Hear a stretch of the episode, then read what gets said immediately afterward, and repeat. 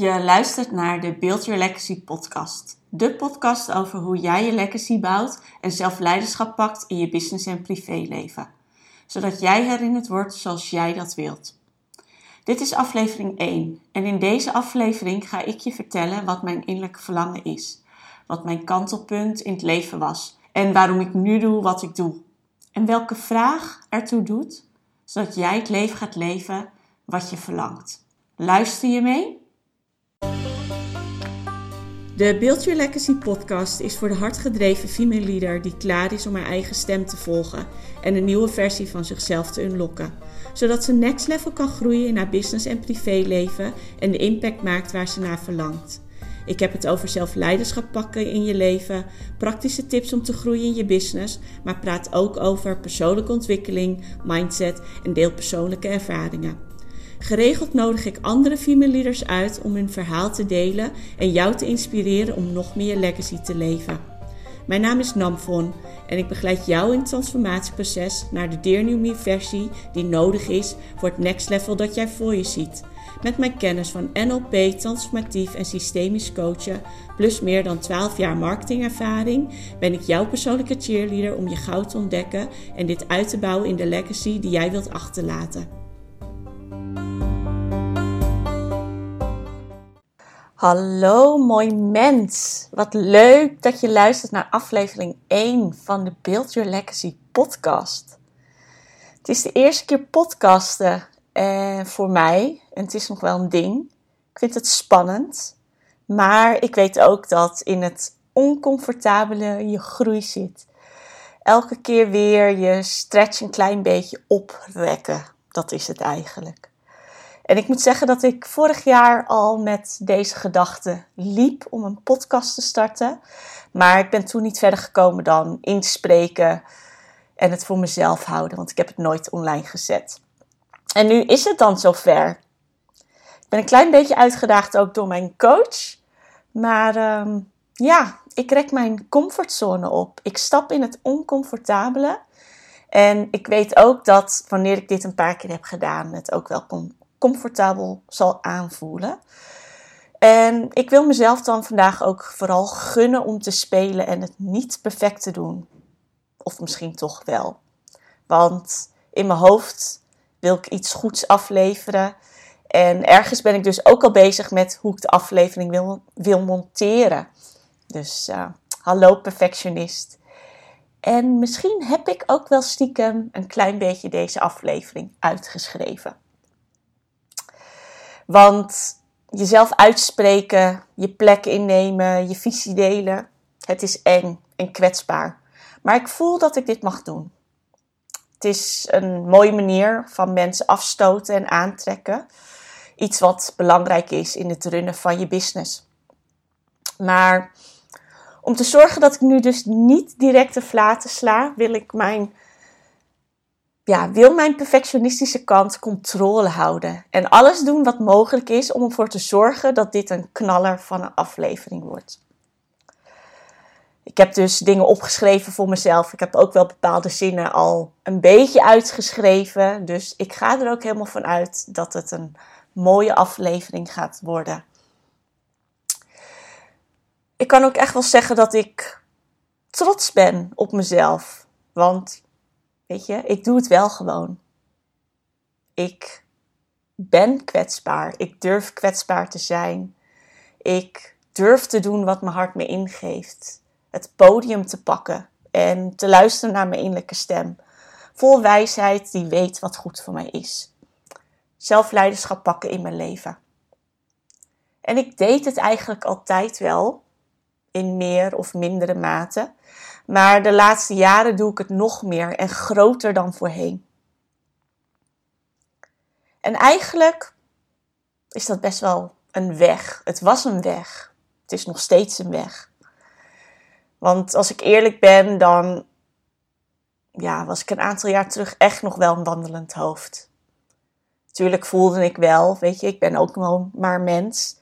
Maar echt voelen, nee, daar deed ik niet aan. Ik deed aan vluchten steeds meer, steeds beter, mezelf verdoven, niet voelen en doorgaan.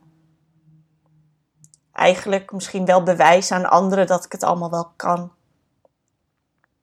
Dat het eigenlijk altijd wel goed met me ging. Maar dat ging het eigenlijk niet. En ik liep zelf tegen een muur nadat mijn vader overleed. En eigenlijk merkte ik toen echt wel op dat het niet zo goed met me ging. En dat ik wel wat hulp kon gebruiken. Dat ik op een standje overleven stond. Iets wat ik misschien mijn hele leven wel heb gedaan. Maar eigenlijk erger was geworden nadat mijn moeder ziek werd toen ik eind 20 was. Het overlijden van mijn vader zorgde ervoor dat ik me ging afvragen wat ik wil. Wie ben ik? Wat heb ik nodig? En wat ik vooral wilde was rust. Geen druk meer voelen en vooral vrijheid ervaren. Vooral doen waar ik blij van werd. Maar wat was dat dan? En doordat ik hulp ging vragen, begon ik ook met mijn eigen persoonlijke innerlijke reis. Een weg van persoonlijk ontwikkelen. Het ontdoen van wie ik dacht te moeten zijn. En het duurde nog wel een aantal jaar voordat ik de keus durfde te maken om echt voor mezelf te beginnen. Echt een business te starten. En met mijn marketingkennis andere ondernemers te helpen aan meer zichtbaarheid. En dat deed ik op het gebied van content marketing, maar ook op het gebied van, weet je, durf je jezelf wel te laten zien? Waarom durf jij niet met je gezicht online te zijn als jij het gezicht bent van je bedrijf? Welke onzekerheden zitten daaronder? En dat vond ik super, super interessant. Misschien nog wel interessanter dan dat hele content marketing stuk. Dus ergens diep van binnen voelde ik ook wel, dit is het niet. Maar ja, marketing was een veilige optie vanwege mijn marketingervaring en mijn werkervaring. Maar eigenlijk wilde ik meer met mijn eigen ervaring doen. Meer delen over mijn persoonlijke reis. Laten zien dat je altijd de keuze hebt om het anders te doen. Dat het altijd mogelijk is om zelf leiderschap te pakken over je leven. Ik heb zelf ook lang genoeg in de slachtofferrol gezeten hoor. Dacht altijd, dacht altijd als dit of dat gebeurt, pas dan kan ik. Maar het maakt je afhankelijk. En ik snap het, we zitten vast in een stramien die gebaseerd is op veiligheid. En daaruit loskomen, dat doe je niet 1, 2, 3. Totdat je op een punt in je leven komt dat het niet meer anders kan. Dat je niet meer anders kunt. En dat punt zorgt er eigenlijk voor dat je jezelf gaat afvragen: wie ben ik? Wat wil ik? Waar word ik blij van? En wat is belangrijk? Het laat je, er eigenlijk, het laat je eigenlijk zien wat ertoe doet voor jou. Weet je, we passen onszelf zo vaak aan om maar gezien en geliefd te worden. Maar daardoor raken we eigenlijk onszelf kwijt. Lopen we onszelf voorbij, doen we de dingen die we niet leuk vinden. Maar door het ziek zijn van mijn moeder en ook het overlijden van mijn beide ouders heb ik van dichtbij ervaren dat het leven zomaar anders of over kan zijn. En daardoor heb ik mezelf sindsdien geregeld de vraag gesteld: wat wil ik? Wat als ik op mijn sterfbed lig? Heb ik dan gedaan waar ik blij van word? Heb ik dan het leven geleefd op de manier die ik wens voor mezelf? Heb ik dan de dingen gedaan die ik wil? Ik wil geen spijt hebben op mijn sterfbed. Ik wil geleefd hebben. Ik wil gevoeld hebben de diepe pieken of de hoge pieken en de diepe dalen. En door steeds weer vragen te stellen, weet ik beter wat ik wil, wat ik hier te brengen heb en wat ik te doen heb. En ja, er is veel gebeurd in mijn leven. En dat zal bij iedereen in meer of mindere mate natuurlijk ook wel zo zijn. Er is pijn geweest, er is verdriet geweest en er is gemis. De ene keer meer dan de andere keer. Gemis van wat niet is geweest, gemis van wat niet meer komt of nooit komt. Maar wat ik mis, kan ik mezelf geven. En dat doe ik door elke keer weer voor mezelf te kiezen. Vanuit mijn diepe innerlijke verlangen. En ik ben door alles in mijn leven geen slechte mens geworden. Denk eigenlijk zelfs alleen maar mooier. Ik ken de pieken en ik ken de dalen. En natuurlijk heb je niet alles in de hand. Maar je kunt wel elke keer een keus maken. Wel elke keer voor jezelf bepalen Wat wil ik? Hoe kan ik ergens op reageren? Elke keer weer meer leven naar je ware potentieel en je vrijheid ervaren.